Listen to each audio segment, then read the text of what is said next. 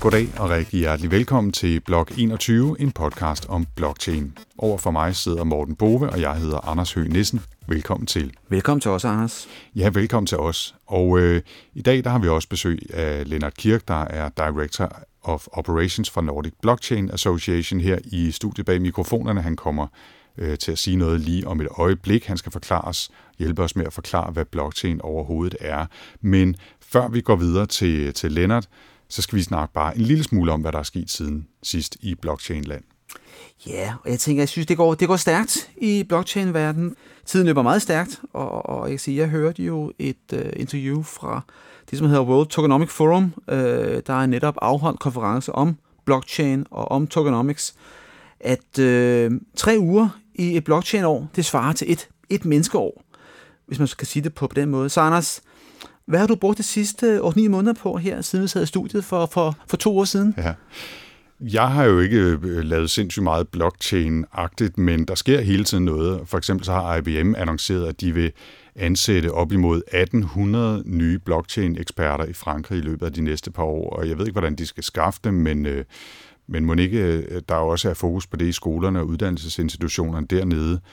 Og så er det, øh, skal det også lige siges, ikke nødvendigvis alle det går lige så godt for. Øh, der er en cryptocurrency, altså en kryptovaluta, der hedder XVG, som kommer fra et firma, der hedder Verge, som har fået stjålet 1,7 millioner dollars af deres øh, coins, XVG-coins, de er blevet hacket, og det er ovenikøbet anden gang, det er sket øh, inden for ret kort tid. Så det er ikke alle, det går lige godt for med det her.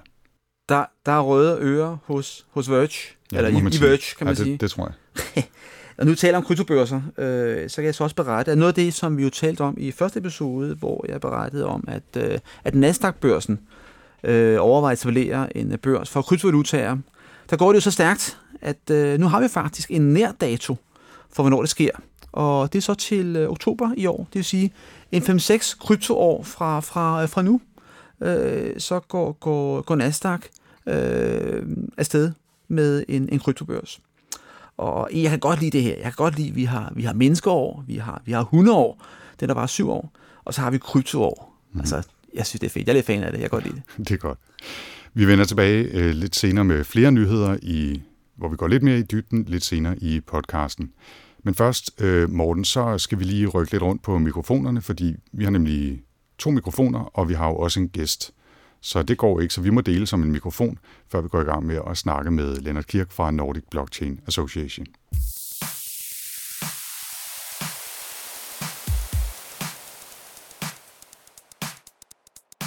Ja, Lennart, inden du måske går i gang med at introducere blockchain, skulle du måske starte med at introducere dig selv og, og din baggrund og dit virke i uh, Nordic Blockchain Association. Hvad det, hvad det går ud på? Jamen, øh, ja, og først og fremmest uh, tusind tak, fordi jeg må komme i dag.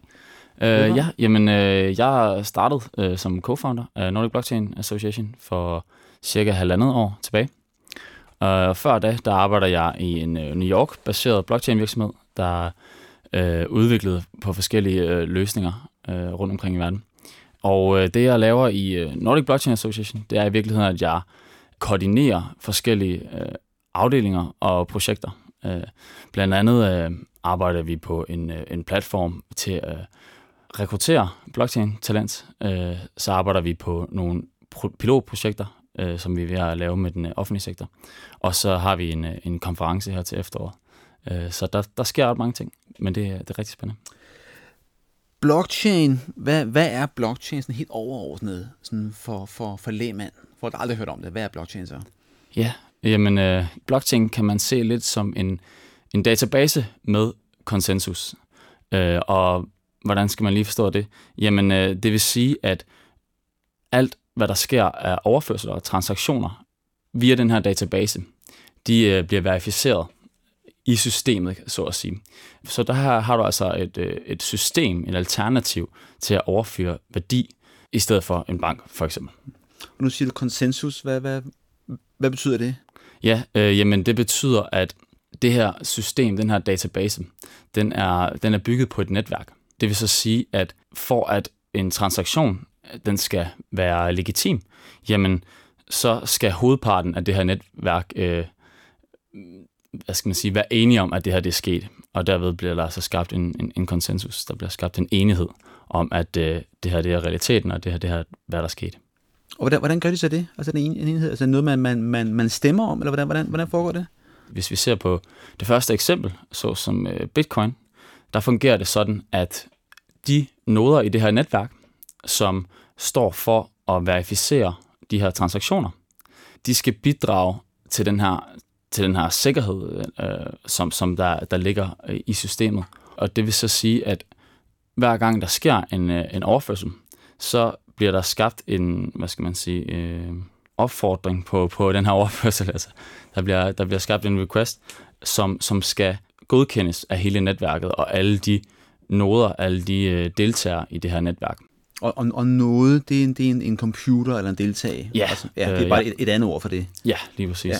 Så det vil sige, for at øh, du rent faktisk øh, kan overføre øh, penge til Anders for eksempel, jamen så, så skal hele netværket eller størstedelen af det ligesom bekræfte den her.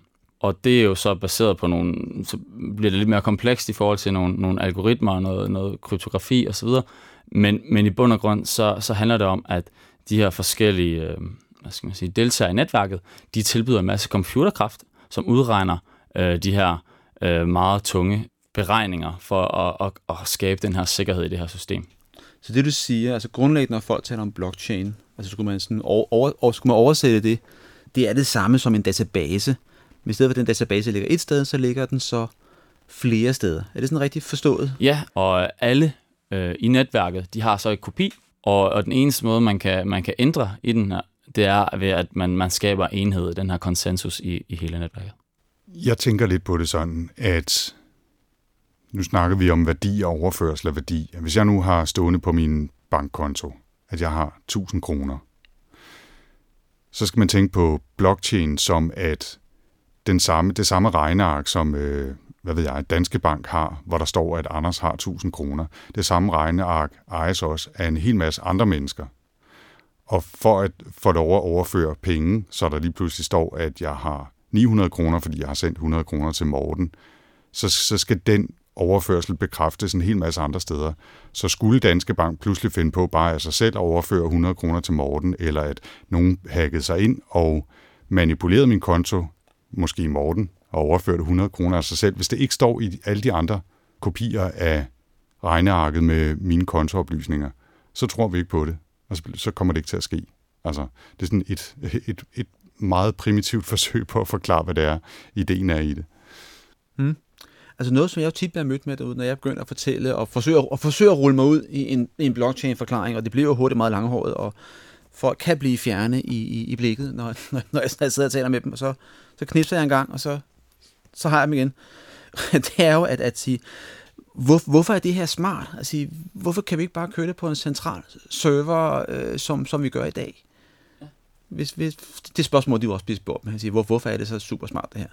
Jamen, der er, der er faktisk flere, flere elementer i det. Øh, et stort element, det er den her sikkerhed.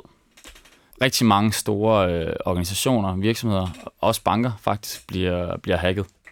Hvorimod det gør det her system ikke. Øh, Øh, så der, sikkerheden er et stort element. Det næste element, det er den her øh, effektivitet, der kommer i, at man fjerner mellemmanden. Så det, sådan som vi lever i dag, der øh, bruger vi jo rigtig, rigtig mange penge på, på advokater og, og bankfolk osv., som skal agere mellemmand. Og, øh, og det, det tager længere, mere tid, men det er også dyrt. Og det er jo ikke fordi, vi, øh, vi, vi kommer hele tiden til at få brug for bankfolk og, og jurister til at rådgive os og, og hjælpe med at udvikle systemet. Men hvis de kan ligesom effektivisere deres proces, og vi også i et vist omfang vil kunne interagere med hinanden uden de her mellemmænd, jamen så vil vi jo have øh, et samfund, hvor, hvor tingene simpelthen kører mindre smertefrit og mere effektivt. Øh, og vi kan stole lidt mere på hinanden, og vi kan selv kontrollere vores data og vores, vores værdier. Tusind tak til dig, Lennart Kirk fra Nordic Blockchain Association, fordi du kom og hjalp os med at forsøge at forklare. Jeg er sikker på, at det er noget, vi kommer til at vende tilbage til også i kommende episoder, for det er noget, man skal høre mange gange, tror jeg, før det sidder rigtig fast, hvis det ikke er noget, man beskæftiger sig med hver dag. Men uh, forløbig, tusind tak. Det kan jo være, at du får lov til at vende tilbage igen og fortælle om nogle af jeres andre projekter senere. Ja. Jamen, uh, tusind tak. Det er rigtig hyggeligt at snakke med jer. Det er godt. Tak. Hej. Hej.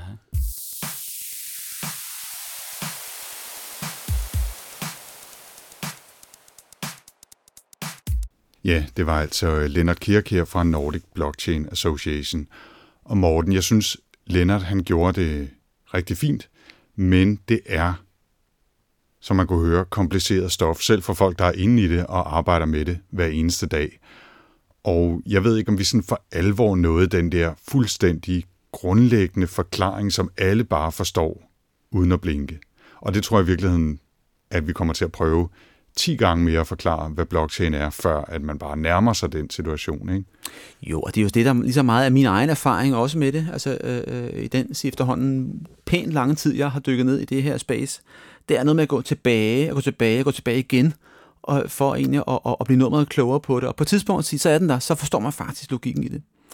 Noget af det, som, som jeg blev mærke i, at Lennart sagde, det var, var noget, som han gik op i, det var det med øh, kontrol over egne data. Det var noget, der han synes, der var væsentligt i en blockchain-sammenhæng. Og det, at man ligesom kunne springe mellemmanden over, at det bliver mere sådan en til en, at du og jeg kan have de transaktioner, vi nu ønsker, og, og udvekslinger, vi ønsker at have med hinanden, der så bliver verificeret af, af det her af netværket, de her nodes computer, uden det ene er af berøring af nogen som helst andre interessenter i, i, i det spil. Og det var noget af det, som, som, jeg, som jeg også selv synes er interessant i, i, i blockchain, den her peer-to-peer, som man, man, man kalder det. Men igen, det, det er måske lige på det der niveau over. Ikke? Det handler om, hvad kan man få ud af det. Man kan skære nogle folk fra, man kan være sikker, man kan verificere nogle transaktioner mm. eller overførsler af værdi eller et eller andet. Det er jo igen, altså lige et abstraktionsniveau over, hvad, hvad fanden er en blok egentlig? Ja. Hvad er en kæde egentlig? Og, og problemet er jo, at vi skal beskrive det med, med metaforer hele tiden, med mindre vi rent faktisk øh, forstår matematikken, øh, algoritmerne, programmeringen bag, og det øh, gør jeg i hvert fald ikke. Øhm, og det er jo også en af grundene til, at det er svært at forklare, fordi det bliver meget, meget hurtigt meget, meget komplekst, eller en anelse upræcist ja. øh, i de beskrivelser, man laver. Ikke? Men du, du, har, du har været i byen, altså vi har været andre steder hen, ja, for at få, få en forklaring på det her. Ja, lige præcis. Ikke? Fordi nu håber vi at, at uh, Lennarts bud her var i hvert fald en måde at forsøge at forklare på, hvad blockchain er, hvordan det fungerer, og også lidt om, hvordan det kan bruges, og, og hvad det er for nogle udfordringer osv. Men, men ja, øh, jeg var ude forleden på KEA, Københavns Erhvervsakademi, ude på Lygten ude i øh, København NV, fordi de derude har lavet et lille spil med Lego-klodser og nogle QR-codes og nogle forskellige øh, spilelementer, øh, som skal være med til at demonstrere nogle af de grundlæggende principper i blockchain. Og ideen med det her spil er altså, at man bruger sådan et lille kuglebrætspil, som hedder Rappe Fingre, hvor man konkurrerer om at være hurtigst på fingrene til at arrangere 16 farvede kugler i 25 huller i bestemte mønstre. Altså der er fire farver kugler, der er fire af hver, og de skal arrangeres i bestemte mønstre i en lille kasse med 25 huller. Og det kan man altså være hurtig til, eller man kan være ikke særlig hurtig til. Og, og det bruger de som et element, der skal illustrere de her computere, som laver komplekse udregninger, for eksempel i Bitcoin-netværket. Mm. Og det er et element.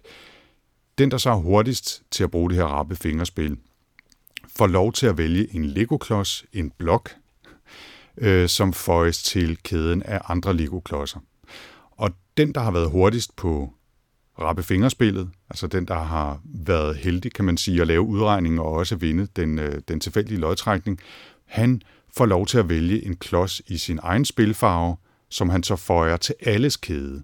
Så alle får nu en kæde, for eksempel med en grøn, øh, eller får en klods i en grøn farve, de kan føje til deres kæde. Og ideen er så, at alle kæderne er ens. Alle spillere har en kopi af kæden med klodser, blokke i forskellige farver. Men altså, mm. øh, den her forklaring gør det ikke nødvendigvis meget mindre kompliceret, men jeg kan fortælle, at det, det fungerer altså, når man er derude og spiller det her spil. Jeg synes, vi skal lige høre bare en lille smule af, hvordan det lyder, når man spiller blockchain-spil i Kias Tech Lounge her med Game Master i den her sammenhæng, Peter Ulf Jørgensen. Ja, man kan sige, at spillerne skal starte med at vælge en farve, så ved vi, hvad farve de har. Og det er en spiller, det er en miner, Miners bruger deres mining rig, som altså var det her kugle, haløjse, til at få retten til at bygge en klods. Og det vil sige, at de skal, de, det kuglespil repræsenterer deres øh, computerkraft, og den, der har den mest computerkraft, har størst sandsynlighed for at få lov at bygge en klods. Og først, det første kort her, vi har, der skal de teste, og hvor gode de egentlig er til, eller hvor god deres computer er. Så det vil sige, at jeg vender kortet om, og så er der øh, et, et farvet mønster i de her øh, røde, grønne, blå, gule farver, som de så skal lave med deres øh, kuglespil og deres hurtige små fingre. Og så får de lov at kæmpe igen om, hvem der får retten til at lave den første blok. Om det er rød, grøn eller hvid. Det er meget, meget spændende. Uha, det ser umiddelbart ud til at være et svært mønster. Mm. Som Game Master kan jeg også godt finde på, når jeg kan se, at det er en af de ansatte her, der er lidt for hurtige i forhold til dem, der prøver spillet for første gang. Så kan man godt lige komme til at gøre sådan her. Nej, for fanden, Peter. Det vil sige, Det er ikke okay. jeg kom til at skubbe til Peters.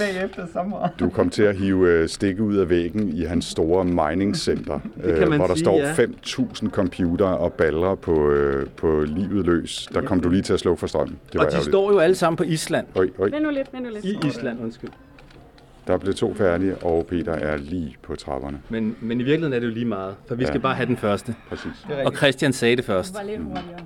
Nu skal Christians farve være den første blok, og så skal alle have en grøn klods, Okay. fordi han er grøn. Så Christian er den grønne spiller. Han tager grønne klodser, som repræsenterer blokke. Som den repræsenterer første blok blokke. faktisk i det her tilfælde i kæden.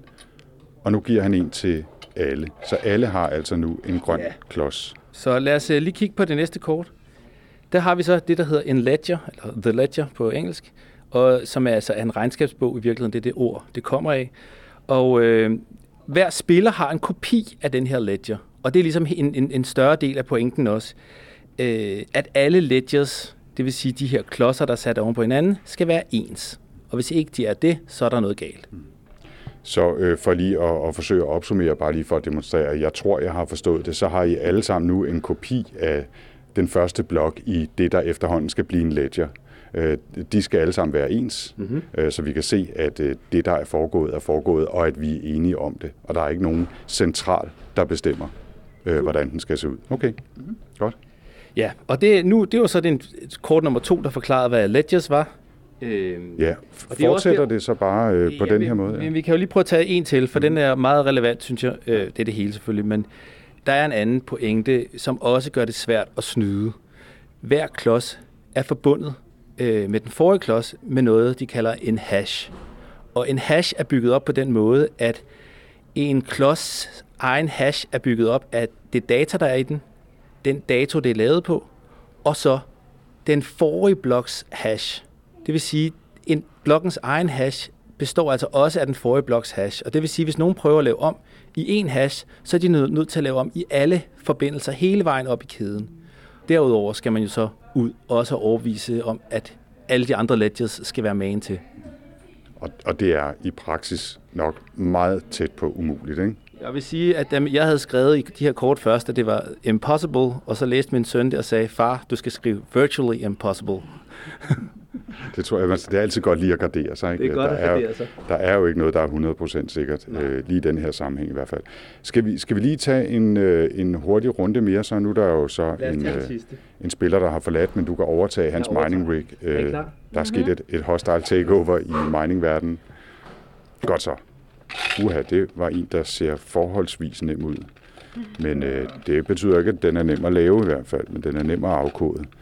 Der er fire røde, fire grønne, fire gule og fire blå kugler på linje ude i kanten af kassen, og så altså ingenting inde i midten. Sådan. Yes. Det var Christian, som fik lov til så at vælge Det grønne klodser at sætte på ledgeren nu. Og gøre det alle steder, så alle ledgers er ens, så vi kan kontrollere, at uh, tingene er sket rigtigt. Meget, meget fornemt. Tusind tak for denne her demonstration af blockchain og blockchain-spillet. Jeg vil overlade det til jer at uh, vurdere, hvem der har gjort det bedst, eller føler sig som vinderen, men tusind tak i hvert fald, fordi I var med. Selv tak. Selv tak. Ja, som man kunne høre øh, bare en lille smule af her, så sagde øh, spillet ude hos Kias Tech Lounge rigtig dejligt mange lyde med Lego-klodser og rappe fingerspil og alt muligt. Men det var måske, Morten, lidt svært at følge med, når man ikke øh, kunne se det, trods alt. Ja, og nu er det så heldigt, at øh, vi har faktisk en lille video, som vi så lægger ud på vores website og i vores show notes, så man kan få et endnu bedre billede af det derudfra.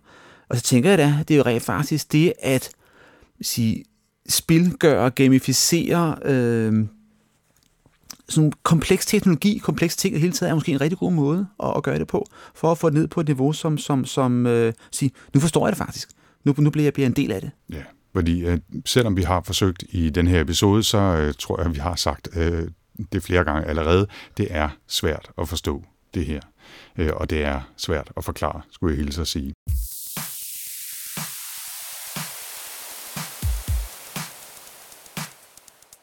Morten, Yes. det er jo et miljø, der hele tiden sker noget i, og alting udvikler sig, og der er både gode og dårlige nyheder. Vi har valgt en lille håndfuld ting øh, ud fra overskrifterne og vores nyhedsfeed her fra de sidste par uger. Morten, du får lov til at lægge ud. Ja, jeg har valgt at lægge ud med, øh, med Facebook. Øh, det er så nu, at Facebook etablerer en, øh, en afdeling for blockchain, der skal drives af en David Marcus, der så er den tidligere øh, leder af Facebooks Messenger-app. Og øh, hvorfor nu det? Og han siger selv, at han gerne vil øh, prøve noget nyt, og da Sok, som Zuckerberg hedder i, i kredsene, da Sok kom forbi så, øh, og spurgte, og var det ikke noget for dig, David? Sådan har han nok spurgt. Så synes jo David, øh, Markus, at det var meget passende at tage den udfordring op. Og, Selve- og hvad skal de lave med blockchain? Ja, det er jo det. Altså, magasinet Wired på wired.com, de, de spekulerer lidt, lidt, lidt, lidt omkring det, og det er også derfra, at øh, jeg har snappet historien op. Det, som jeg tror, det drejer sig om, jeg tror, det drejer sig om, at man nok vil forsøge at lave et reward-system, altså hvor man sådan tokenificerer de her værdibrikker, som, som, som, som du så, så fint døbte en token sidst, der måske går ind og honorerer godt indhold, der måske går ind og honorerer et sandt indhold. Man kan sige, at Facebook har, har fået nogle skrammer i renomméet efter hele den her Cambridge Analytica-skandale, som der, der var omkring misbrug af personlige data på Facebook-platformen. Og det kunne være en måde for Facebook måske på at sige, okay, vi har noget, vi skal, vi skal stramme op på her. Måske er blockchain en løsning på at få mere styr på vores persondata, få mere styr på, hvad er det for nogle data, jeg som bruger rent faktisk øh, øh, giver ud til offentligheden, og måske også få mere styr på, hvad er real news, og hvad er fake news, og vi rent faktisk vil lave et system, hvor vi kan honorere øh, øh, de, sande, de sande nyheder med en token, der så har en værdi. Men det skal siges, at øh, det er ren spekulation. Der er ikke nogen, der endnu ved, hvad i alverden Facebook vil med deres nye blockchain-afdeling. Nej. I den lidt mere øh, kuriøse afdeling måske, så kan jeg fortælle, at der for et par uger siden blev afholdt Blockchain Week i New York. Øh, en, kon- en konsensus 2018-konferencen hed den også, og øh, den illustrerede måske lidt uheldigt, hvad det er for et miljø, den her blockchain-verden også er for tiden. Det smager sådan en lille smule af tiden inden dot-com-boblen brist der tilbage, øh, bristede der tilbage i 1999-2000, hvor der bare er lidt for mange hurtige penge og lidt for mange smarte drenge øh, involveret. Det siger i hvert fald rapporterne fra den her Blockchain Week i New York, øh, hvor der var øh, kæmpestore øh, efterfester øh, til konferencen, og folk råbte op og delte coins ud, og der var lotterier med, med Aston Martin racerbiler, man kunne vinde, og der var lidt påklædte damer og sprudt i massevis, og rapper og fester, og sikkert også en djævelsk masse hårde stoffer. Og øh, mm. det, det er jo lidt uheldigt, hvis det er det, som kommer til at signalere blockchain-verden ud til dem, der ikke nødvendigvis er en del af den. Altså, det smager sådan en lille smule af de der smarte regnedrenge øh, fra, fra 80'erne og 90'erne øh, og, og New Yorks børser og, og de her øh, firmaer, som man måske har set illustreret i Wolf of, of Wall Street, øh, Martin Scorseses film og sådan noget. Ikke? Og, og det synes jeg er lidt ærgerligt. Altså, og det er sikkert også en del af miljøet. Det er måske ovenikøbet en stor del af miljøet, men øh, det er jo ikke den vigtige del af miljøet kunne man sige, hvis, øh, hvis man tror på blockchain og, og gerne vil arbejde med den teknologi. Men, øh, men det er altså også sådan noget, som sker og skal nævnes i åbenhedens hellige navn, skulle jeg måske sige, i, i blockchain-land. Ja, jeg synes, det, altså det ærgerlige er jo, at som det jo så tit er med den slags ting, at, at måske øh, det støj, de få giver, påvirker de, de mange, fordi det, over, det overskygger jo selvfølgelig øh, mange af de her, altså vildt mange, meget, meget spændende initiativer, som der, der, der, der, mm. der, der sker derude i blockchain-land. En af dem, øh, det er, at øh, Marshalløerne, de vil faktisk ud nu introducere deres egen kryptovaluta for at komme fri af altså fiat-valutaen, den, den, den amerikanske øh, dollars. Øh, øh, hvorfor nu det? Og det er et spørgsmål om, at man rent faktisk ønsker at bygge sit eget monetære system op, der er fri af, af andre øh, valutaer. Og man siger, at okay, Marshalløerne, de er ikke så mange mennesker der, men sige, Norges Nationalbank, de overvejer at gøre det samme. Altså, Norges Nationalbank ønsker at etablere en kryptovaluta med det for øje at øge tilliden til det monetære system. Det vil sige, et eller andet sted, så bliver, bliver, bliver, bliver ligningen jo, jo, jo vendt om her. Øh, for lige så meget, at øh, krypto er udskældt som et faldsum og svindel osv., så synes jeg faktisk ret interessant, at en centralbank nu går ind og tænker og taler og i talesætter, kan man bruge krypto som en, en, et, øh, øh en monetær stabiliserende tillidsskabende faktor. Øh, så begynder der faktisk at ske noget, synes jeg. Og måske skal vi til at introducere, det kan vi jo gøre her. Vi kan lave jo et blok 21 Trust Meter, ikke? Sige, hvor et tillidsbarometer sige, hvor stor er tilliden og troen lige nu på krypto og blockchain. Det, det kunne være sjovt at gøre det. På en skala fra 1 til 100, hvor tror du tilliden til blockchain er? Altså personligt, så ligger jeg jo på 94, men, men i markedet der, derude, fordi, og det er jo en af vores missioner også, fordi at der er jo stadig få, der ved noget om det, og fordi at de larmende nyheder larmer, og, og de mere seriøse måske larmer, larmer mindre, så er det jo nede på en 20-30 øh, point øh, i, i, i, altså ude på, på, på gaden, om man så må sige. Det, det tror jeg, du har ret i. Den øh, næste nyhed er måske sådan lidt også i den kuriøse afdeling. Den handler om Castle Craig Hospital i Skotland, som er et behandlingshjem for folk med forskellige afhængigheder. Og de har netop, netop nu introduceret også, at man kan blive behandlet for cryptocurrency investeringsafhængighed. Altså Fedt. at man bliver besat og afhængig af at investere og følge kursen på den kryptovaluta, man har investeret i. Og det er altså noget, man nu kan blive behandlet i øh, for på samme måde, som man kan blive behandlet for spilafhængighed, eller alkoholisme, eller sexafhængighed, eller hvad de nu ellers har øh, på, på papiret derovre. Ikke? Så det er altså kommet dertil. Det er ret vildt. Morten, nu var vi lige inde på før det der med usikkerheden, og, og de, dem, der råber højt, og dem, der ikke nødvendigvis har så meget at have det i, og dem, der skaber ballade, og folk, der brænder penge af til højre og venstre osv. Og det illustrerer jo, at, at ikke alting nødvendigvis er lige godt og, og rent øh, og åbent i, i blockchain-verdenen.